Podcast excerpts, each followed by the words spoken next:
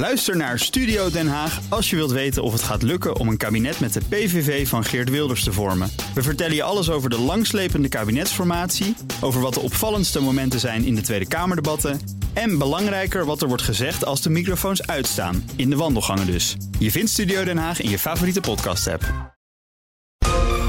Heb jij de BNR-app al? Met breaking news in de podcast De Koude Crypto-oorlog. Download de app. BNR Nieuwsradio. Digitaal. Joe van Buurik en Ben van der Burg. Goed dat je luistert naar het beste van BNR Digitaal. In deze aflevering hoor je de boeiendste gesprekken van dit techjaar tot dusver, volgens onze eigen techredactie. Maar eerst Ben van der Burg. Ja. Moeten we het even hebben over wat dit techjaar ons so far gebracht heeft. Het eerste half jaar evalueren. Wat heeft jou het meeste bezig gehouden de eerste zes en Ja. een halve maand van het jaar? AI, AI, AI. Dat was natuurlijk wat, alles wat de klok sloeg. Weet je wel. En de directe en indirecte gevolgen daarvan. Bijvoorbeeld op social media. Met Ja, platforms die op zwart gingen of erbij kwamen. Ja. Of, Maar dat is wel leuk met AI. Want weet je, wat ik, een paar dingen die ik dus interessant vind. Hè. Alle applicaties die nu worden gebouwd op AI. Al die toepassingen op OpenAI. Weet je dat ze die API gebruiken om daar toepassingen straks te hebben. Ook een voorbeeld daarvan in Tuurlijk. de studio. Dus dat, die vind ik heel interessant. Maar de nog democratisering van AI, Ben van der Burg. Ja, daarom, dat vind ik heel erg mooi. Maar wat ik ook mooi vind, dus we hebben meer, eh, we hebben meer data de afgelopen jaren. We hebben een betere algoritme. We hebben snellere computers, waardoor je steeds meer kan. Ja. En ik vertelde je vorige week, die vind ik ook verschrikkelijk mooi. Dat er zeg maar, eh, er zijn elementen in de samenleving, zoals de- het geluid van een boom of het geluid van een vis, dat wij niet kunnen opvangen. Maar dan dus geluiden die wij niet kunnen vatten. Of nog veel dichterbij, een walvis Mhm. maakt geluiden. En dat ze de geluiden van een walvis gaan ze analyseren. En dan kunnen we tussen aanstekens gaan praten met walvissen. Dus dat zijn ook Ik vind het zo mooi hè, dat de natuur jou zo begeistert. En dan juist nu digitale technologie, juist met AI. Die combi, vind ik- die vind ik fantastisch. nog meer naar ons toe moet gaan halen. Ja, Ja, dus nou, de- ik heb dat dan weer persoonlijk met de Apple Vision Pro. Hè. Daar hebben we het ook een hele week lang en ervoor en daarna uitgebreid over gehad. Nou, dat Wat zou- vind je daar het mooiste van? De, de, de mogelijkheden. En, en het feit dat het Apple is die dat gaat doen. Terwijl tien jaar lang allerlei andere bedrijven met alsnog relatief de grootste meta, Ja. virtual of augmented reality als je wil, extended reality als koepelterm. En dan nu Apple. Het moet het dan echt gaan, gaan waarmaken. Maar ja, dat gaan we pas volgend jaar zien. Ja. De giga-overname van Activision Blizzard door Microsoft. Die dan misschien mogelijk eventueel zeer waarschijnlijk toch mag doorgaan. Maar nog steeds niet helemaal zeker. Is actueel deze week. En Ben, Ja. de autoriteiten, als we daarover hebben. Dat is ook zo De interessant. bak hè? regulering op techgebied, vooral vanuit ons deel van de wereld en alle gevolgen daarvan. En de mogelijkheden die het wel of niet creëert. Uiteindelijk, weet je, Europa, het menselijke, het menselijke. eh, Amerika en China is een ander verhaal. De business, de business. En hoe ga je dat combineren? En wie is dan beter af? En we, merken, we hebben een AI-regulering, social media, eh, ja, hoe het regulering. Platformregulering. En wij zien dus heel erg van, van- We zijn zoveel bezig met regulering tegenwoordig. Ja. Dus je denkt, vroeger denk je technologie, mooie dingetjes maken, mooie applicaties. Ja. Nee, Nee. komt regulering bij. Ja, en we gaan apps niet naar Europa brengen, want het is te streng. Dat heeft Meta gedacht. En ja. Ja. moeten we hopen dat in de tweede helft van 2023 misschien Threads onze kant op komt. Maar denk je nou echt dat we echt achter komen te lopen? Dat, we, dat het echt ons gaat schaden, Ik, Europa? ik vrees er een beetje voor. ja, ik denk het dus ook. Op de, op, de, op de middellange termijn gaat het ons gaan. Op de lange, lange termijn zou het ons leven aangenaam moeten maken voor iedereen in de EU. Ja. Maar die, dan moet die belofte wel worden waargemaakt. En tot die tijd gaan we, nou dan is Threads nog wel een matig voorbeeld, maar nog veel meer andere toepassingen, mogelijkheden, denk ik, niet kunnen ja, uitnutten. Het blijft wel interessant dat die Amerikaanse bedrijven, eh, zeg maar, tot een half jaar geleden, want we evalueren het half jaar, vol alle rechtszaken aangingen. Dat vonden. Ja. ze helemaal niet erg. En nu, Bart. Preventief gaan we het al niet doen. Het het is niet, nog niet eens per se een overtreding van de wet. Nee. Zoals met Threads en Meta. Ja. Maar we gaan het niet doen, want we willen het niet aandurven, dat risico. Joe van Buurik en Ben van der Burg. In ieder geval het gaat om toepassingen met AI... die in dit geval bedoeld is om grofweg 2,5 miljoen Nederlanders te helpen. Want die zijn namelijk laaggeletterd. Dat zijn mensen die moeite hebben met lezen, schrijven en rekenen. En het Rijk wil dat graag oplossen met geld. Maar ook vanuit de techhoek wordt nagedacht over mogelijkheden... om hun situatie te verbeteren. Een van die oplossingen is Lees Simpel. Een app die met behulp van AI brieven en andere teksten... vaak moeilijk, eenvoudig samenvat. En bij ons in de studio zijn twee van de makers van die app... om dat toe te lichten. Hester Benedictus bedenker van LeesSimpel. En Lucas Meijer, ontwikkelaar van LeesSimpel. Welkom allebei. Dankjewel. Goed dat jullie er zijn. Uh, jullie hebben ook nog nieuws meegenomen. Want letterlijk vandaag, volgens mij een uur geleden, kreeg ik de melding op mijn Android-telefoon. dat yes. de Lees Simple app ook op Android te verkrijgen is. Nou, ik blij. Heel veel mensen. Want ja, Android is nog steeds het grootste marktaandeel volgens mij. Hoe lastig is het nou, uh, Lucas, kijk jou aan als developer. om tegenwoordig vanuit een iOS-app ook een Android-app te maken? Is dat koud kunstje of toch best tricky? Nou, dat hangt een beetje vanaf of je het wel of niet eerder hebt gedaan. Uh, voor ons heeft Hugo Visser de Android-versie gemaakt. En die schudt Android-appjes uit zijn mouw alsof het niks is. Ja. Uh, dus hij had het in een week weer klaar. Ja, hm? ja, dus het is een native app. Het is een native app. Okay. Hij had natuurlijk wel de mazzel dat uh, ik en Niels... die hebben de iOS-versie gemaakt. Ja. En natuurlijk al eindeloos lopen ouwe hoeren... of die knop nou lichtblauw moet zijn of donkerblauw... en een beetje meer naar rechts. Ja, maar dat is allemaal optische visueel. Maar als het puur gaat om het feit dat jullie een app rond AI-functionaliteit... waar we zo in gaan duiken, bouwen... dan maakt het dus eigenlijk niet zo uit of het iOS of Android is. De AI-functionaliteit zelf, die zit eigenlijk op de server. En daar praten en de iOS-app en de Android-app mee. Ja. Uh, dus wat dat betreft is het allemaal hetzelfde. Hartstikke mooi. Hey uh, Hester, jullie hebben Lees Simpel ontwikkeld tijdens een AI-hackathon. Daar was jij ermee bezig. Mm -hmm. Eigenlijk is dat een soort snelkookpan hè, om in 24 uur een digitaal product eruit te rammen. Ik ken het concept. Jullie vielen in de prijzen. En vervolgens moet je daar ook echt een goede app van gaan bouwen. Hoe, neem ons even mee in dat proces. Ja, nou, we hadden, uh, we hadden de app op sociale media gezet. Uh, de avond dat, die, dat we die prijs hadden gewonnen. En toen kregen we zoveel enthousiaste reacties. dat we besloten als team om de app te gaan ontwikkelen. En uh, het is op zich niet heel gebruikelijk. Niet alle projecten die op hackathons worden gemaakt, zien ook daadwerkelijk uh, het levenslicht, zo gezegd. Dus dat is iets waar we heel trots op zijn. Wij zijn een week na de hackathon bij elkaar gaan zitten. Uh, en hebben ge gezegd: hoe gaan we dit met elkaar doen? En we hebben allemaal um, gezegd: we gaan dit als een maatschappelijk initiatief doen. En we werken hier aan naast ons werk.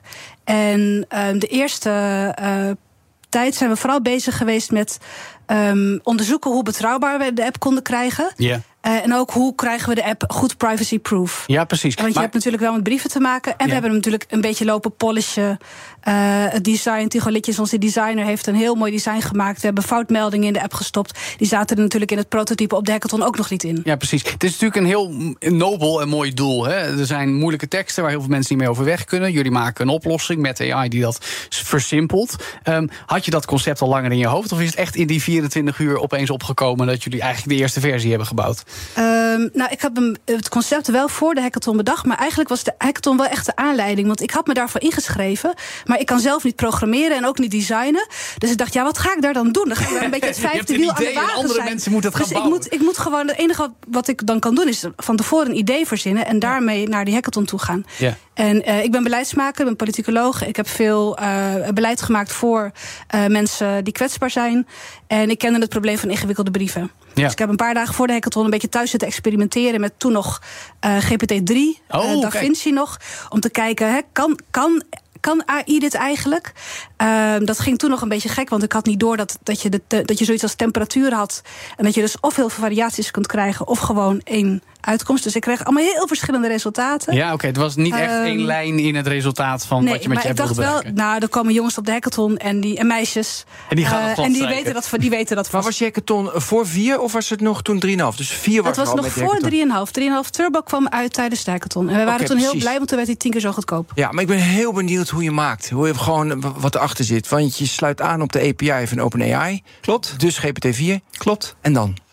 Um, de, nou, eigenlijk het eerste maken is niet zo uh, heel ingewikkeld. Dan, eh, in het Engels hebben we een soort van prompt dat we zeggen van... yo, er is hier een ingewikkelde je brief. met Jo. Nou, je, je zal, het zal je Nee, verbazen je scant, je scant hoe joviaal je met hem kan communiceren. Precies, je scant een tekst en die geef je eigenlijk aan de AI. Hè? Ja, eigenlijk in de Android en iOS-telefoons zit uh, tekstherkenningstechniek. Die laten we los op het camerabeeld. En daar krijgen wij gewoon platte tekst uit. En die geven we aan de OpenAI API.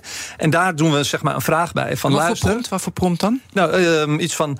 Uh, dit is een uh, ingewikkelde brief. De gebruiker wil graag een samenvatting. We willen graag dat je het in bullet points samenvat. En bij ieder, ieder bullet point een passende emoji vindt. De app die doet bij ieder bullet point komt er zo'n leuk plaatje. Die uh, Ja. verzint GPT ook voor ons.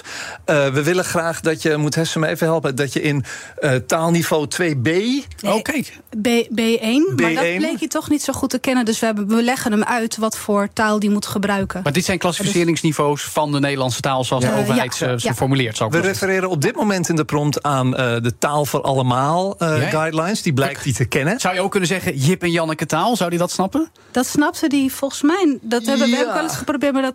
Ja. Maar hè, hier kom je meteen al bij Dit de moeilijkheid aan. Die ja. eerste prompt maken en dus zeg maar maken dat hij dat redelijk eh, teruggeeft. Dat is eigenlijk niet zo moeilijk. Maar dan, eh, dan als je het vervolgens wil veranderen, bijvoorbeeld, hm, misschien moet ik Jip en Janneke taal. Zou dat nou beter zijn? Hoe je zeg maar evalueert wat de gevolgen zijn van een promptverandering op brieven. Dat is eh, ja, het testen met een taalmodel. Dat is voor een programmeur echt wel even wennen vergeleken met normaal programmeren. Hè, normaal is het met code en nu moet je een soort van. Eh, Ja, moet je het zeg maar aardiger gaan vragen? Of, Ja, hè, we- maar dat is wat triviaal. Want het gaat dus ook, ik bedoel, dat merken we natuurlijk al vaak met het prompten van ChatGPT. Het hangt heel erg van je formulering af, van de mits en die je erbij aangeeft. Eh, om een bevredigend antwoord eruit te krijgen, zal ik maar zeggen. ja, en dat er kan nu niet, natuurlijk- want je, je dient alleen als gebruiker van de app de foto in, zou ik maar zeggen. De gebruiker zelf die kan natuurlijk niet eh, aan de prompt sleutelen. Maar Ja. ik als maker van de app Ja. kan het wel doen. Maar het is helemaal aan jou, bedoel ik te zeggen, als maker van de app. Je hebt er nul invloed op als gebruiker. Klopt. Ja, ja. En, ja, en, en hoe vaak doe je dat? Dan heb je gewoon een CMS'je waarbij je nieuwe prompts... omdat je hem wil optimaliseren. Nou, ik moet zeggen, op dit moment, we hebben hem nu al wel een hele poos goed is niet aangepast. Maar, ehm, eh, la, wat is het? Vorige week kwam OpenAI met nieuwe taalmodellen. Ja. ja dan willen we natuurlijk kijken, oké, wat is eigenlijk het effect hierop? En dan wil je dat niet op één briefje kijken en dan een beetje zo, "Ah, is wel oké. Hè, En dan wil je het eigenlijk op een hele batterij brieven. En dan wil je ook, eh, en dat is wel leuk, die manier waarop je het evalueert of je het goed doet, dat doe je ook weer met een taalmodel. ja, ja. Hè, dus dan de beste taalmodel. Die Je dus laat hem zet je zichzelf oordelen. Nou, niet. eh, het kan bijvoorbeeld best zijn dat je een prompt doet met 3,5 turbo, Ja. omdat die zo goedkoop is. Maar dat je die dan laat evalueren door GPT-4. Die is Ja, ja. veel duurder, maar veel beter. En dan kan je hem bijvoorbeeld vragen: hey, wil je deze samenvatting even scoren aan de hand van de taal van allemaal guidelines? En dan zeggen precies welke punten die niet aan voldoet. Ja. En dat, ik kan op een knop duwen en dan doet hij dat over al die brieven. En dan krijg ik mooie diagrammetjes met staafdiagrammetjes en zo van. Nou, hij is wel. Hè, hij is iets minder op taal, maar hij maakt wel kortere zinnen. Ja. Eh, en hij lijkt ongeveer wel dezelfde. Hè? Het Ja. is niet heel veel langer of heel veel korter. Maar even een gekke vraag misschien aan Hester. Eh, gaat dit nou ook mis? Krijgen jullie feedback van gebruikers die zeggen... nou, ik heb nu een brief gescand, ik krijg zo'n raar versimpelde tekst? Of, of valt dat eigenlijk wel mee? Eh, het valt. Hij, GPT-4 kan echt ontzettend goed samenvatten. Wat ik wel merk is dat ehm, eh, iedereen die samenvat, ook een mens die samenvat, die maakt keuzes. Dus wat neem je wel mee in een samenvatting en wat niet? En soms denk ik, nou, er staat een beetje veel informatie in deze samenvatting. En soms denk ik, je hebt iets weggelaten wat er eigenlijk in had gemoeten. En dus dat, dat kan nog wel eens gebeuren. Soms kijk ik, dan, dan kijk ik er wat beter naar. En dan denk ik soms ook wel eens, ja, GPT-4 dat zag het misschien eigenlijk gewoon beter dan ik. Ehm, en wat we, maar over het algemeen zijn het goede samenvattingen en zijn ze ook veel leesbaarder dan het origineel. Dus het maakt de brief echt een stuk toegankelijker. Ja, wa- wat nu als iedereen dit gaat gebruiken? Want dan hebben ze misschien de verkeerde, de verkeerde samenvatting. Wat jij zegt, dat kan gebeuren. Ja, en dan heb jij niet de goede samenvatting van een moeilijke brief van de overheid. Ma- maak je daar zorgen over? Denk je van nee, uiteindelijk wordt het goed, ik vind het prima. Nee, maar hij, hij vat over het algemeen hij vat heel goed Oké, samen. dus hij vat heel goed is samen. De kwaliteit is goed. Dat hebben we dus ook echt vrij, vrij uitgebreid onderzocht. Mhm. Eh, wa- wat we dus wel eens zien is dat er soms een element niet in staat waarvan je zou kunnen zeggen dat had misschien wel gekund. Ja. Maar de kern van de brief haalt hij er eigenlijk altijd uit. Even een ander punt wat je net volgens mij al heel kort aanhaalde. Privacy. Want eh, als ik het goed begrijp, wordt de data uit een brief... gewoon op de servers van OpenAI opgeslagen. Een maand, conform AVG, denk ik. Is dat niet te omzeilen? Ehm, we op dit moment, we hebben wel ons, we hebben ontzettend ons best gedaan om de app zo privacy-proof mogelijk te maken. Dus je hoeft bij ons geen account aan te maken. Mhm. Nee, we willen, niet we- ja, we willen niet weten wie onze gebruikers zijn. Wij zelf kunnen de brieven niet zien. Wij kunnen de, eh, onze servers laten de brieven ook niet op. Mhm. Eh, we gebruiken de AI van OpenAI om de tekst in de brief eh, te versimpelen. En dat doen we via de, via de API van OpenAI. En dat Ja. is wel echt een belangrijk onderscheid. Want en, die, die kom ik te weinig tegen, vind ik, in het privacy-debat over AI. Oh. Via ChatGPT ehm, wordt de informatie die je via de Als je het via hun me- eigen via systeem, hun eigen, ja. syste- via hun eigen chat, chat eh, app meegeeft, kan de data worden getrain, gebruikt om het model mee te trainen. Dus Ja. dan zouden je brief in het, in, in, in het, model terecht kunnen komen. Ja. Als je de API van eh, GPT gebruikt, dan gebeurt dat niet. Dan kan Oh. er in principe niemand naar kijken. Zij zijn wettelijk verplicht om dit soort data eh, maximaal 30 dagen te bewaren. En dat moeten ze doen omdat zij verplicht zijn om te kunnen controleren Ja. of mensen hun AI niet gebruiken om bommen mee te Maar maken. die snap ik. Maar het feit dat jij nu zegt, als je via de API eh, eh, werkt, dan slaat hij dus helemaal niks op. Als in niet, niet, niet op dezelfde manier als Klopt. wanneer de, de eigen. Dat is op zich best wel een verschil. Ja, Weet je dat ook een beetje te benadrukken? Want ik kan me voorstellen, juist omdat het privacy best een heet hangijzer is, dat Ja. mensen misschien terughoudend zijn om je app te gebruiken. ja, we proberen het zo goed mogelijk uit te leggen. We hebben een super simpel privacybeleid geschreven. Ik denk dat wij het meest toegankelijke privacybeleid van heel Nederland hebben. Nou, in zekere zin wel, van Ja. ja. hetzelfde format. Mooi. Ehm, en je kunt altijd je naam en adres zwart maken of er even een papiertje overheen leggen en dan doet de app het nog steeds. Ja. Ehm, bestaat er ook de mogelijkheid om bijvoorbeeld op lange termijn met een open source taalmodel te werken, zodat het allemaal on-device plaats kan vinden? Dat je helemaal niet meer naar een API van OpenAI toe hoeft? Eh, ja, dat ligt zeker in de mogelijkheden. Dat hangt, en het, het gaat natuurlijk heel snel in AI-land. Op dit moment gebruiken we GPT-4. Ik geloof gisteren is Claude 2 uitgekomen.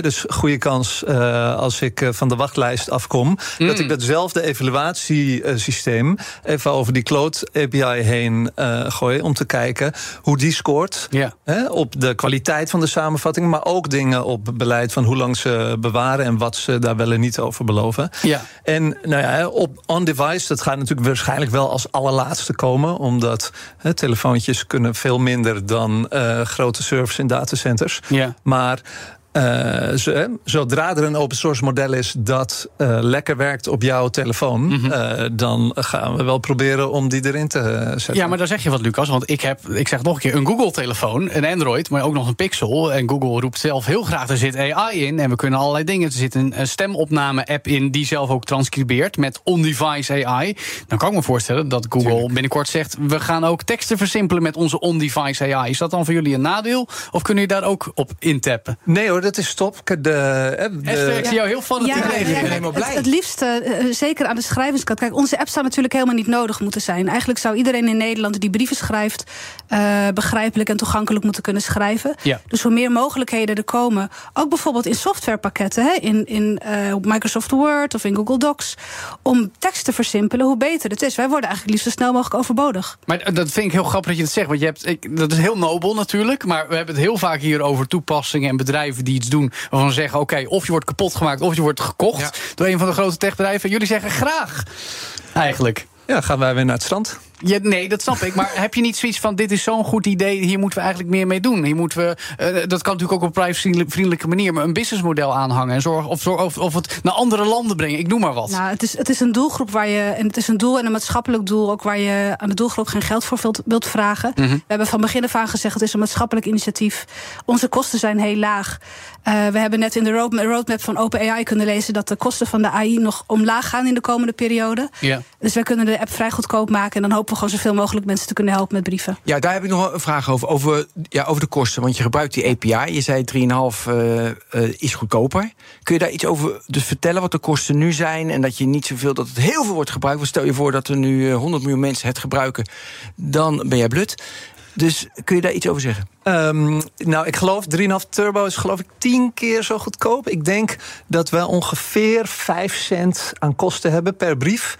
Ehm, we hebben gelukkig een heel vriendelijke subsidie van het SCDN-fonds eh, gekregen, die het ook sympathiek vonden. Mooi. Eh, dus daar kunnen we de komende tijd die kosten wel uitbetalen. En onze hoop en verwachting is ook dat, hè, dat terwijl we die subsidie gebruiken, dat de AI-kosten flink omlaag gaan. Als je de kwaliteit van de concurrerende open, open modellen ziet, Ja. die de laatste weken zijn uitgekomen, dan kan het haast niet anders dat over een paar weken, maanden, we die 5 cent eh, terug weten te krijgen tot een halve cent of nog lager. Maar oké, daar noem je wat dingen waar je nog naar kan kijken voor de komende tijd. Is verder qua functionaliteit lees simpel als app af? Of, of heb je nog wens en dromen die zegt zo kan het nog beter worden?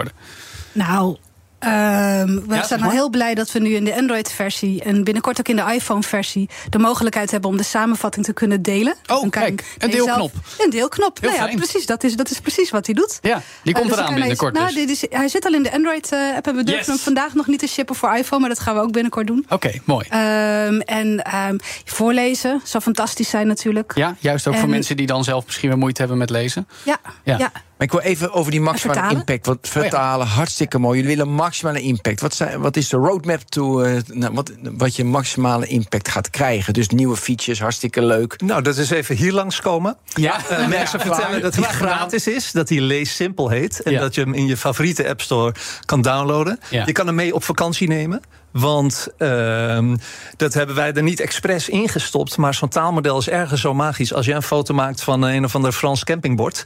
Hè, dan krijg je heel makkelijk eh, gewoon in het Nederlands terug Oh, hij eh, wat er vertaalt staat. eigenlijk al. Hij vertaalt. hè, Ah, wel alleen naar het Nederlands, maar Ja, ja. van alle talen. Maar dat is al best wel handig met de vakantietijd. Dat is al, Dat eh, doet Google Translate toch ook? Dus- Ja, maar dit doet het simpel. Dat dat, is is de belofte. Dus dat moeten Ja. we uittesten eh, tijdens je zo'n vakantie bent. Hey, maar dat, eh, dat het standaard in je telefoon komt, in bijvoorbeeld in die telefoon van Joe, heb je daar nog een, dat je mensen benadert, dat je de, de, veel PR, de- wat ga je daar Ga je aan met doen? Google praten bijvoorbeeld. Ja, even een beetje hoog. Of ben- ik ben ik jullie op eh, ideeën ik aan denk het brengen? ik denk dat we niet eens de.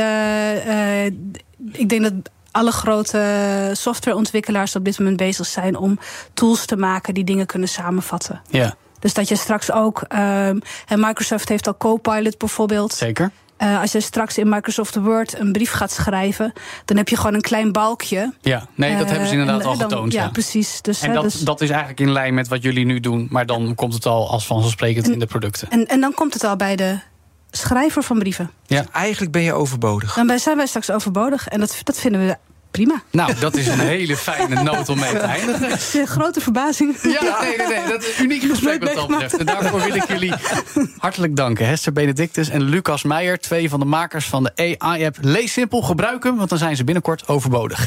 Wie niet overbodig is, zeker de komende tijd nog niet, is ASML. En straks werpen we een blik op de toekomst van dat bedrijf met de directeur Research. Want hoe gaan ze in Veldhoven hun unieke en zeer waardevolle positie in de tech-industrie behouden? Dat horen we, als het goed is, zometeen. BNR Nieuwsradio. Digitaal. Joe van Buurik en Ben van der Burg. Welkom terug bij BNR Digitaal. ASML staat midden in de geopolitieke strijd tussen China en de VS. En merkt zo dat de steeds strengere restricties qua levering van geavanceerde chipmaakmachines ook gevolgen hebben. Iedereen lijkt te trekken aan het bedrijf uit Veldhoven. Maar als we even uitzoomen, hoe kijkt ASML zelf naar de toekomst van de eigen chipmaakmachines? Welke nieuwe technieken komen eraan? En wat kunnen ze daar nog meer mee doen, zoal? Allemaal vragen en meer om te stellen aan Maarten Vonken, directeur Research bij ASML. Welkom Maarten in de studio van BNR. Dankjewel. Fijn dat je er bent. Het is nogal een nieuwsweek voor jullie. Hè? Eerder het nieuws dat de personeelsgroei wat afgeremd gaat worden. Dat jullie samen met andere partijen uit de regio en de Nederlandse overheid investeren in fotonische chips. Ook mooi. Zijn dat zaken die jou bezighouden of kijk jij eigenlijk veel verder in de toekomst? Ja, ik, ik werk zelf bij de researchafdeling. En eh, bij de researchafdeling hebben we typisch een horizon die vijf tot tien jaar in de toekomst ligt. Dus wij kijken vrij ver vooruit. Ja. Uiteraard zie ik de nieuwsberichten ook eh, over de personeelsaanname, eh tempering. Ja. Hebben afgelopen jaar bijvoorbeeld heel veel mensen aangenomen. Ja. En eh, wat, we nu zie, wat je nu ziet, is dat we bezig zijn om die mensen goed in te werken. En om die mensen effectief te maken. Dat is wel gezond dat we nu even een pas op de plaats maken. Zodat die mensen effectief zijn. We hebben 10.000 mensen aangenomen vorig jaar. Ja. En dat is nogal een klus om die mensen weer eh, op de juiste plek te zien te krijgen. Ja, ik kan me ook voorstellen als jij zegt vijf tot tien jaar. Je hebt ongetwijfeld allerlei plannen, dingen die in verschillende stadia van voortdurend zijn. Je hebt best wel een team opgebouwd, kan ik me voorstellen, om al die Ja. dingen nu te onderzoeken. Dat klopt, ja. We hebben een heel mooi team. En eh, mijn team werkt vooral aan de nieuwe meetsystemen. Ja. Ja, meer- veel mensen kennen ASML niet zo goed. Mhm. Eh, ASML maakt machines waarmee je computerchips maakt. Ja. En wat je vaak ziet is dat mensen dat bedrijf niet kennen omdat we niet leveren aan de alledaagse consument. Maar eh, in je dagelijkse leven heb je eigenlijk altijd met ASML te maken. Het begint eigenlijk al als je s morgens opstaat. Als je alarmklok afgaat, daar zit een chip in. Eh, je, je tandenborstel, daar zit een chip in. Je koffiezetapparaat, je auto, Tuurlijk. je telefoon, je laptop. Ja. En al die chips, eh, eigenlijk elk apparaat waar een, een batterij in zit of een stekker aan zit, daar zitten chips in. En al die chips die worden op onze machines gemaakt. Ja, nee, we kennen ook de klanten, eh, om even drie van de grootste te noemen. Ja. Eh, Samsung, TSMC, Intel. Ja. Zijn allemaal van jullie eh, machines afhankelijk met de EUV-technologie. Klopt, ja. Eigenlijk het, het paradepaardje van ASML. Cutting edge als het gaat om de halfgeleiderlithografie. Eh, maar ASML is ook het enige bedrijf dat die machines kan maken. Maar kun je nog even ook voor de gemiddelde luisteraar kort uitleggen hoe dat werkt? en dat jullie de enige zijn die dat zo voor elkaar kunnen krijgen? zeker. Ja, ja, EUV-technologie is inderdaad de, de nieuwste technologie die we maken. En Mhm. de machines die we maken kun je eigenlijk het beste zien als een, als een super geavanceerd kopieerapparaat. Mhm. En eh, ze werken met licht. En hoe korter de golflengte van het licht is, hoe kleinere patroontjes je kunt afbeelden op zo'n chip. En om dat even uit te leggen, golflengtes. Nou, Mhm. Als je kijkt naar zonlicht, wit licht. En als je een regenboog eh, ziet, dan zie je dat dat zonlicht uit elkaar valt uit verschillende kleuren. Ja. Het gaat van rood via oranje, geel, groen, blauw, paars. Ja. En als je dan nog naar verdere, kortere golflengtes gaat, dan krijg je het UV-licht, UVA, UVB. En daarvoor moeten we ons goed insmeren. Ja. En als je naar nog kortere golflengtes komt, kom je bij de deep UV-golflengtes. En dat waren tot een aantal jaren geleden onze paradepaardjes. Ja. Die werkten met deep UV-licht. En naar nog kortere golflengtes, dan zit je op 13 nanometer golflengte. Mhm. Dan zit je bij EUV-licht. En doordat je met die kleinere golflengtes werkt, kun je dus steeds kleinere patroontjes afbeelden. En kleinere patroontjes betekent dat een chip steeds meer functionaliteit heeft. Je kunt meer transistoren, meer elektrische schakelingen op een chip zetten. En daardoor wordt die chip zuiniger, eh, wordt die krachtiger, eh, wordt die goedkoper, heeft die meer functionaliteit. Ja. En dan kun je, kunnen jouw eh, apparaten kunnen dus meer. Ja, en dat ze worden nog kleiner allemaal. Hè, ja, precies. Ja. Ja. en je ziet het bijvoorbeeld heel goed als je op je telefoon kijkt. Nu een, een YouTube-filmpje, je drukt op de knop en je bent het filmpje aan het kijken. Ja, ja. Maar we weten allemaal... Het is ook het netwerk, hè? Het is ook het netwerk. is ook het netwerk maar Ja. ook daar zitten weer chips in. Ja, hè? jullie Maar- maken de hardware die het mogelijk maakt. ja, hè? Dat is precies. maar ja, als je Ja. bijvoorbeeld een jaar of tien geleden keek, ja, dat ging met horten en stoten zo'n filmpje kijken. En hetzelfde geldt bijvoorbeeld met zelfrijdende auto's. Ja. dat, eh, die, die technologie wat daarvoor mogelijk is, er zitten ontzettend krachtige rekenchips in. En dat komt allemaal vanwege eh, de EUV-technologie die wij maken nu. Ja. Ja. En jij houdt je dus bezig met het meten of alles goed gemeten is, of het goed allemaal op elkaar is. Ja. Ja, dus Zit. eh, wat, waar onze klanten heel erg in geïnteresseerd zijn, is een term die noemen zij yield. En het gaat over opbrengst. Het gaat erom hoe eh, goed is de kwaliteit van de chips. Mhm. En eh, je moet je dat zien als je een chips. Een chip kun je eigenlijk zien als een soort flatgebouw met 100 verdiepingen. Een chip bestaat uit een stuk of 100 laagjes. Elk laagje met zijn eigen patroontje, zijn eigen eh, floorplan. En die moeten afgebeeld worden, laagje voor laagje, precies op elkaar. En als zo'n laagje precies op het laagje eronder zit, dan zijn de verbindingen tussen de twee verdiepingen, zeg maar de elektriciteit en de waterleidingen, die hebben Ja. een verbinding en dan werkt dit. En als je die laagjes net wat eh, scheef erop zet, ja, dan heb je niet meer de goede elektrische verbindingen en dan doet die chip het niet. En wat zijn dan de elementen dat die scheef erop komt te zitten? Ja, dat, dat heeft ermee te maken hoe je dat patroon print. Dus eh, die, die patronen worden geprint op een uh, siliciumplaat, een wafer. En eh, elke keer moet je een nieuwe laag op die siliciumplaat printen. En die moet precies op de eh, vorige laag uitgelijnd worden. En daarvoor moet je meten. Dus je moet meten waar is de vorige laag gepositioneerd. En als je die meting hebt gedaan, dan weet je dus waar je de volgende laag moet doen. En dat gaat met nauwkeurigheden, moet je denken aan ongeveer 1 tiende nanometer. En een nanometer is weer zo'n technische term. Een nanometer is een miljoenste millimeter. Maar om het een beetje begrijpelijk te maken, ik zeg wel eens gras, dat groeit met 10 tot 20 nanometer per seconde. Nou, ja, ja, ja. Om Dus aan- dat, dat- dan heb je een beetje grootte. gevoel van hoe klein en hoe Ja. nauwkeurig het moet zijn. Maar wat ik niet begrijp, want als ik dan die ene laag heb gemaakt... en dan moet die andere laag, die meet je dan... dan moet die laag precies erop, dan meet je dat hij er precies op zit. Yes. Als hij dat toch honderd keer hebt gedaan, dan zit hij toch altijd precies erop. Wat, waardoor ontstaat dan die afwijking dat het niet meer precies is? Meet Ja, je dan verkeerd of iets Nou, die, anders? die, die, die siliciumplaat die ligt op een, een, een, eh, een eh, module die beweegt. Hij moet onder de lens bewogen worden. Dat is één ding. Een ander ding is, als je met dit soort nauwkeurigheden werkt... dan eh, moet je eigenlijk alle effecten meenemen. Bijvoorbeeld eh, een, een, kleine vervorming die in zo'n plaat, uh, zo'n siliciumplaat komt. Een klant heeft er bijvoorbeeld een andere laag op aangebracht. Dat introduceert spanning en daardoor vervormt hij een beetje. Hmm. En typisch zijn dat soort vervormingen in de orde van enkele nanometers of enkele tientallen nanometers. En dan moet je dus voor meten en je moet alles corrigeren.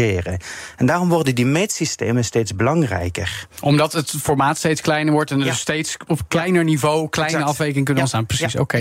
Om ook even verder te kijken, hè, want uh, eh, EUV-technologie is weliswaar nieuw, maar jullie verkopen, als ik het goed heb, dat soort machines al sinds 2016. In, in normale mensentaal zou ik maar zeggen alweer een, een behoorlijke een eeuwigheid geleden. Precies, nou ja, ik wou het niet zeggen, jij wel. Zit daar nog rek in? Kun, kun je al naar de volgende stappen toe? Ja, ja eh, eh, inderdaad. Ja, als je kijkt naar onze hele geschiedenis, dan trek ik het even wat breder. Dan zie je eigenlijk dat er altijd drie knoppen zijn waar wij een kunnen draaien om naar een volgende generatie machine te gaan. Ja. En de eerste knop, dat is de golflengte van het licht. En dat is eigenlijk heel simpel. Een kortere golflengte licht uh, maakt de mogelijkheid om kleinere patroontjes af te beelden, is dus een meer geavanceerde machine.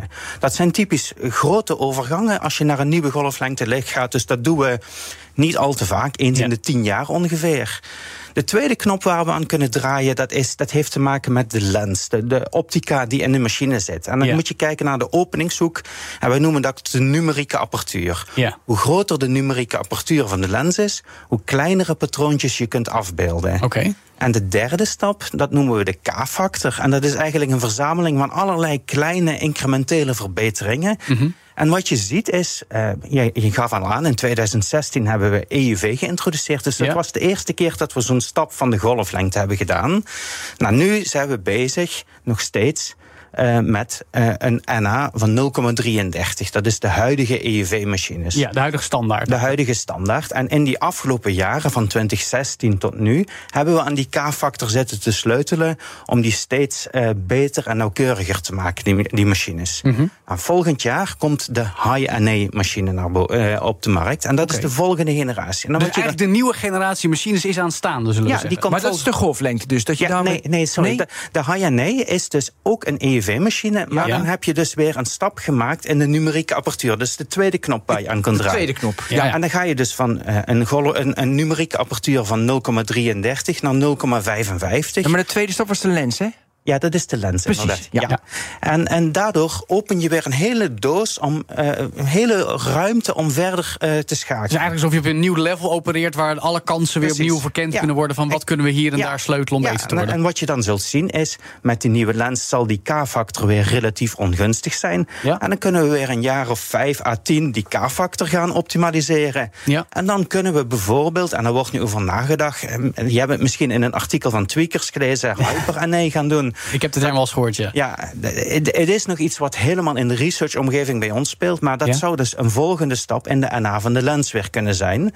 Uh, en daardoor kun je weer opnieuw datzelfde kunstje gaan doen. Dus als eigenlijk, ik bedoel, als we het huidige level zien als level 1, dan is high NA is level 2. Ja. En hyper NA moet level 3 zijn. Ja. En maar ondertussen kunnen jullie dus vanaf volgend jaar, om het zo te zeggen, als het wordt ingevoerd, op level 2 gaan verkennen. En ondertussen alvast aan het nadenken over wat je op level 3 kan gaan doen. Ja, maar heel Nederland zit nu te wachten. Wanneer ga je weer de golflengte. Dus de eerste factor aanpassen. Ja, dat is een hele goede vraag. Echt een grote stap. Ja, dat is echt een grote stap. Het, het, huidige beeld wat wij hebben is dat de huidige golflengte, tot dat de laatste golflengte is die we gaan maken.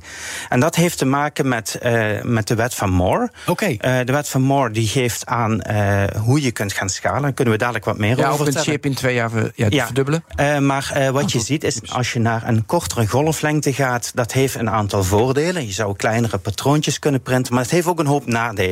En op het moment wegen die nadelen zwaarder dan de voordelen. Dus ons huidige beeld is dat we niet meer gaan schalen in de golflengte. Dus dat we met die huidige EUV-golflengte, dat we daarmee de komende 20 jaar nog wel uit gaan zingen. Oké, ik wil heel even door op die wet van Moore die je net aanhaalde. Want we halen hem best vaak aan, een tijdje geleden nog, toen Intel-oprichter Gordon Moore was overleden. En toen vroegen we ook hier in de studio ons af, hoe lang gaat die nog mee? Hè? Die wet die even heel ruwweg geformuleerd stelt dat chiprekenkracht elke twee jaar verdubbelt. Voor jullie is dat dus ook van groot belang. Hoe kijken jullie daarnaar? Blijft dat zich doorontwikkelen zoals het afgelopen decennia gedaan heeft? Ja, misschien wel leuk om te vertellen. Die, die wet van Moore die is dus bedacht inderdaad door Gordon Moore, de oprichter van Intel. En wat Gordon Moore uh, na een aantal jaren bezig te zijn geweest met Intel uh, begon te doen, is hij begon te kijken wat is eigenlijk het optimale werkpunt om een aantal transistoren op een chip te zetten. En als je er te weinig op een chip zette, dan was die chip uh, eigenlijk te duur. En uh, dan, dan, had je uh, te weinig functionaliteit. Dan kon je hem niet tegen een goede prijs verkopen. En als je er te veel transistoren op zette, dan was die te duur om te maken. En dan prijs, prees hij zichzelf ook uit de markt. Ah. En dat was een optimumpunt. En hij is die optimumpunten gaan berekenen voor de eerste paar generaties chips. En die bleken wonderbaarlijk, wonderbaarlijk mooi op een rechte lijn te liggen als je dat ja. op een bepaalde soort grafiek uitzette. Exponentiële groei. Yeah. Tegen die tijd was dat een verdubbeling elke twee jaar. Uh, na een tijdje heeft hij dat aangepast naar een verdubbeling elke drie jaar. Oké. Okay. En, en, wonderbaarlijk genoeg hebben we die trend van een verdubbeling elke drie jaar, hebben een jaar of zestig hebben we volgehouden. Oké. Okay. En, en belangrijk om te benoemen hier is, die, die wet van Moore is niet een, een fysische wet. Het is echt een economische wet. Het beschrijft waar is het economisch beste werkpunt om chips te maken. Ja, juist omdat je het had over hoeveel kun je erin stoppen en daadwerkelijk geld ja. mee verdienen eigenlijk. En, en, en zeg maar in de jaren is die wet van Moore is een soort self-fulfilling prophecy Ja. geworden. Maar als het een economische wet is, dan kunnen jullie ook accepteren dat jullie minder marge hebben, want dan gaat de wet van Moore ook door. Ja. Of meer door minder je best te doen, zou ik ja, zeggen. en, en, en precies, en, en, dat is inderdaad precies het punt waar je op wil zitten. Want uh, we hebben een bepaalde marge nodig om onze ontwikkelkosten te betalen. En uh, dat is Jij precies. bent de dure jongen, ja? Ja, tuurlijk. ja. Um, maar wat je ziet, om, om op je vraag terug te komen, hoe lang gaat het nog door? Um, nou, ik kan daar een simpel antwoord op geven. En ik zeg, ja, de wet van Moore zal niet door de fysica beperkt worden, maar door de economie. En als ik kijk naar onze huidige ontwikkelingen, denk ik dat we zeker nog wel een jaar of twintig daarmee door kunnen gaan. Uh, maar je kunt ook, en dat is ook wel een leuke exercitie, je kunt de wet van Moore ook uh, van een wat grotere afstand gaan bekijken. En als je kijkt, voordat de transistor werd ontwikkeld, hadden we ook al computers. We hadden computers die met vacuümbuizen werkten. Ja, en uh, daarvoor had je mechanische computers. En als je die omrekent naar dezelfde metrieken en plot, dan blijken die precies op diezelfde trend te passen van de wet van Moore. Maar dan voordat de wet van Moore werd bedacht. en het was er eigenlijk allemaal al. Het was er al, ja. ja. En daarmee kun je ook zeggen van, nou ja, stel dat die wet van Moore met de huidige transistoren misschien op een gegeven moment niet meer reëel is, dan uh, komen er andere manieren hoe je berekeningen kunt doen. En die passen dan ook wel weer op die wet van Moore. En dan zit je dus bij andere soorten uh, manieren om, uh, ja, om computerberekeningen te doen. Ja, maar linksom of rechtsom, de wet van Moore die blijft eigenlijk gewoon bestaan ja. en zich ontwikkelen. Dat ja, is het precies. Ja, en maar ik wil ook dan weten welke andere berekeningen. Denk ik aan kwantum. Ja, bijvoorbeeld. Uh, ja, kijk, er zijn meerdere uh, mogelijkheden nu die je noemt. Dus quantumcomputers is, uh, wordt, wordt, is ja. veel in het nieuws. fotonische computing is veel ja, in het nieuws. Tuurlijk, zeker. En, en wat je zult zien is, ja, dat zijn nu nog allemaal redelijk onvolwassen technologieën die nog in, in research labs staan en die moeten zich echt nog gaan ontwikkelen. En uh, ja, in de komende 15 tot 20 jaar zal meer duidelijk worden welke van die technologieën uh, uiteindelijk uh, ja, een opvolger gaat worden van de huidige technologie. Joe van Buurik en Ben van der Burg. En zo praten we door over wat er speelt bij ASML. Internationaal vaak genoemd als een van de belangrijkste bedrijven ter wereld, gezien hun zeer geavanceerde chipmaakmachines. Cruciaal voor grote producenten zoals Samsung, Intel en TSMC. En nieuwe technologie bij uh, uh, ASML wordt ontwikkeld onder toezicht van onder meer Maarten Vonker, uh, directeur research. En hij is nog steeds bij ons in de studio. Maarten, nog iets anders, want eind april kondigden jullie aan dat een bestaande samenwerking met de TU Eindhoven, bij jullie om de hoek, is verlengd. Dat er een nieuwe faciliteit komt voor fundamenteel onderzoek. Waarom is dat zo belangrijk en waarom gebeurt dat bij jullie in de achtertuin?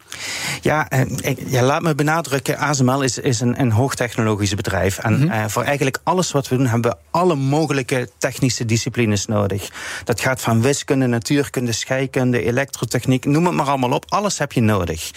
En um, ja, veel doen we zelf, uh, onder andere in mijn afdeling. Maar uh, we werken ook heel nauw samen met universiteiten. En uh, met de TU Eindhoven werken we heel nauw samen. Maar ook met veel andere universiteiten, zowel in Nederland, maar ook in het buitenland. Ja, en dan hebben we het onder meer over het Vlaamse onderzoekscentrum IMAC, volgens ja, mij. IMAC, IMAC bijvoorbeeld ook, ja. inderdaad. Um, en wat je ziet is, die samenwerking met de universiteiten, dat, dat is echt een win-win. wij halen daar nieuwe inzichten uit. Die universiteiten die zitten dichtst bij de nieuwe ontwikkelingen. Ja. En uh, de universiteiten vinden het fantastisch om met een bedrijf als ASML samen te werken, omdat er ook weer allerlei nieuwe uh, richtingen, inzichten uitkomen. Dus universiteiten zoeken ons heel erg op. Ja. Nou, waarom nu de TU Eindhoven? Nou, met de TU Eindhoven hebben we eigenlijk altijd al een heel erg goede band gehad.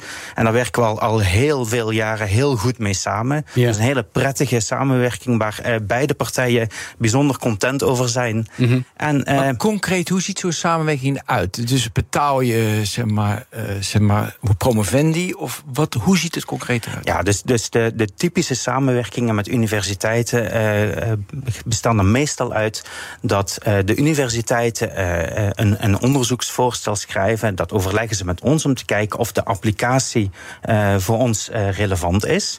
En als wij daar ook brood in zien, dan betalen wij een gedeelte van dat onderzoek. Ah. En de Nederlandse overheid betaalt dan vaak een ander gedeelte. Dus dan moet je denken aan NWO, de Nederlandse wetenschapsfinancier, of het ministerie van Economische Zaken.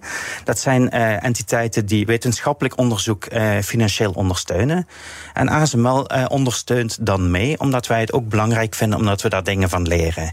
En deze samenwerking met de TU Eindhoven kun je ook in zo'n licht zien. Alleen wordt het iets, iets groter en iets structureler opgezet voor de langere termijn. Maar het, het principe is hetzelfde. En komt er echt iets uit, of is het meer voor je ESG-doelstellingen te halen en dat je je maatschappelijke rol moet vervullen? Of komt er ook technisch echt iets uit, wel eens een onderzoek dat je dacht van, nou, dat had ik niet verwacht? Nee, hier komt echt iets uit. Zoals? Dus, ja, nou, bijvoorbeeld met Eindhoven werken we heel nauw samen op het gebied van mechatronica. Mechatronica gaat over dingen die heel nauwkeurig, heel snel bewegen. Mhm. Mm -hmm. En ik noemde net al waarom die machines zo belangrijk zijn, die, die nauwkeurigheid. Ze moeten ook extreem snel zijn. En wat je daar dus hebt, is die, die siliciumplaten, die liggen op een drager. En die drager die moet extreem snel en extreem nauwkeurig gepositioneerd worden. En dan moet je denken aan versnellingen die vele malen hoger zijn dan de snelste sportauto of een raket. maar wel met een nauwkeurigheid van ongeveer 1 tiende nanometer. Dus Ja, ja. dat is de nauwkeurigheid van een atoom. Dus dan moet je je voorstellen, dan heb je daar een, een, een, een ja, blok eh, keramiek. Dat accelereert sneller dan een raket. Eh, dat weegt eh, enkele tientallen kilo's en dat staat met de nauwkeurigheid van een atoom stil. Eh, en om dat te doen heb je dus zeer geavanceerde mechatronica nodig. Ja. En natuurlijk hebben we grote mechatronica onderzoeks- en ontwikkelafdelingen binnen ASML. Maar met de TU Eindhoven, waar ze ook enorm goede eh, kennis en competentie hebben, werken we daar heel nauw samen. Zij brengen echt nieuwe inzichten in, waardoor wij weer de volgende stap kunnen maken. Ja. Nog even over een ander partnership, ook een beetje een zijstapje, maar ik begrijp dat jullie op meer plekken eigenlijk jullie tech delen. Een voorbeeld dat ik tegenkwam is een samenwerking met het Van Gogh Museum om hun werken te beschermen. Kun je Ja. dat kort toelichten? Ja, zeker. Eh, met het Van Gogh Museum, eh, da- daar werken we al een tijdje mee samen. Eh, dit is begonnen als een sponsoring. Ja. En, en wat je ziet is, ASML wil het natuurlijk altijd anders doen. En wij zagen wel wat overeenkomsten met Vincent van Gogh. Licht was heel belangrijk. Allebei. toevallig, nee, nee, toevallig geboren in omgeving bij nu, hè? Zelf volgens de omgeving geboren, Ja. een beetje, beetje rebels type. Eh, licht speelde een belangrijke rol en, en wij voelden daar wel een klik mee. En, Oké. nou, natuurlijk doen wij een, een sponsoring daar, maar we wilden daar wat meer doen. En een samenwerking is bijvoorbeeld op het gebied van onderwijs. Ja. We hebben samen met het Van Gogh Museum een, een, onderzoekspro- een onderwijsprogramma ontwikkeld. Dat heet Masterminds en Masterpieces. Waarbij we dus leerlingen enthousiast maken over zowel kunst als techniek. Dan gaan ze bijvoorbeeld met UV-lampjes eh, schilderijen onderzoeken en dergelijke. Dat is hartstikke leuk. Ja. Maar we doen ook een stuk onderzoek. Dus eh, vanuit mijn afdeling ontwikkelen we meetsystemen waarmee we de, de status van de schilderijen van Vincent van Gogh eh, kunnen meten. En is dat dan soortgelijke technologie die je ook eerder vertelde, eh, die gebruikt wordt in de machines? Het, het, het is vergelijkbare technologie, maar met een totaal andere applicatie. Wat grappig. Dus we kijken bijvoorbeeld naar de verkleuring van de schilderijen. Vincent van Gogh gebruikte heel goedkope verf. En je ziet dat die kleuren vervagen. Maar die verf was ook heel slecht. En daardoor zie je dat die nu begint eh, te, ja, te breken. Dus je krijgt hele kleine barsjes erin. Ja. En wat we willen doen is heel nauwkeurig die barsjes in kaart brengen over de tijd. En dan kun je dus zien hoe is de conditie van het schilderij. Ja. En eh, hoe ontwikkelt dat. En eh, daar kun je dus bijvoorbeeld zeggen: van, ja, dit schilderij kun je beter niet meer op transport zetten. Want dan komt hij misschien niet meer zo goed terug. ja, maar, precies. maar kan je de resultaten van zo'n onderzoek ook weer gebruiken voor de volgende generatie chipmachines? Nee, dit, dit, Ja, dit, Dit is meer dit- gewoon een mooi project. Dit, is gewoon een mooi project. Prestige, ja, precies. Ja, dit is prestige, dit is leuk. Eh, mensen vinden het fantastisch. Mensen Ja. in mijn afdeling die staan in de rij om eraan mee te werken. Ja. Eh, dit, dit is ook hartstikke leuk als ik, eh, als ik sollicitatiegesprekken doe met mensen. En eh, ze, ik vertel hierover. Nou, dan zie je dat de oogjes gaan glimmen. Dit is echt een fantastisch project moeten doen. Ja, precies. Nog één, één ding waar ik het even kort over hebben, Maarten. Uh, Ja. Want de afgelopen nou, zeven maanden hebben we het heel vaak gehad over generatieve AI, de exclusieve opkomsten Ja. van. Wat betekent dat voor ASML en jullie machines? Waren jullie er al op voorbereid en gaan jullie daarop kapitaliseren? Ja, e- eigenlijk betekent het relatief weinig voor ons. Want Oh. eh, heel veel van. Ja, misschien een beetje teleurstellend Nee, nee, nee, maar Maar- maar, die, die AI die draait eigenlijk op, op, eh, op eh, processoren die gewoon bestaan. Hè. Ja, dus dat die jullie de al heel lang laten CPU's en GPU's. En, en die Ja. maken wel heel lang. Je ziet wel dat de vraag enorm toeneemt. Ja. Eh, en dat zie je bijvoorbeeld ook bij Nvidia, wat die processoren maakt. Ja, die, die zijn enorm populair nu op de beurs. En ja, wij pikken daar ons kraantje ook in mee. Toch wel. Maar in feite zijn het in principe gewoon de, dezelfde eh, processoren die nu al gemaakt worden door onze klanten. En de vraag die neemt alleen toe. Natuurlijk houden we het wel nauw in de gaten. Want wat je ziet, en dat zag je bij de vorige bezoekers ook, eh, die kosten van die AI die moeten omlaag. En daardoor wordt gedacht om, om specialistische chips daarvoor te maken. Eh, ons huidige beeld is dat dat gewoon kan op onze machines, maar we houden dat wel natuurlijk nauw in de gaten. Nou, dat is in ieder geval goed om te weten. En alle reden om in de toekomst er nog eens een keertje op terug te komen. Dank in elk geval voor dit college met een blik op de toekomst van Maarten Vonken, directeur research van ASML. Tot zover het beste van BNR Digitaal voor deze zomer. Volgende week kun je weer een reguliere, gloednieuwe uitzending verwachten op de radio. Woensdag om drie uur natuurlijk. En in je podcast-app. Beoordeel ons daar ook. Abonneer je op BNR Digitaal. En als je toch bezig bent, doe dat ook met de technoloog en met Nexus. En in BNR Digitaal dus volgende week weer verse onderwerpen, gasten en inzichten. Want de wereld van tech draait natuurlijk keihard weer door. Dus zeg ik namens onze hele tech-redactie van harte tot volgende week. Dag. Ook Liesbeth Staats vind je in de BNR-app. Ja, heel handig. Luister live naar Kees en mij tijdens de Daily Move. Dan blijf je ook gelijk op de hoogte van breaking news en het laatste zakelijke nieuws. En daar vind je ook alle BNR-podcasts, waaronder de Perestrooikast. Download nu de gratis BNR-app en blijf scherp.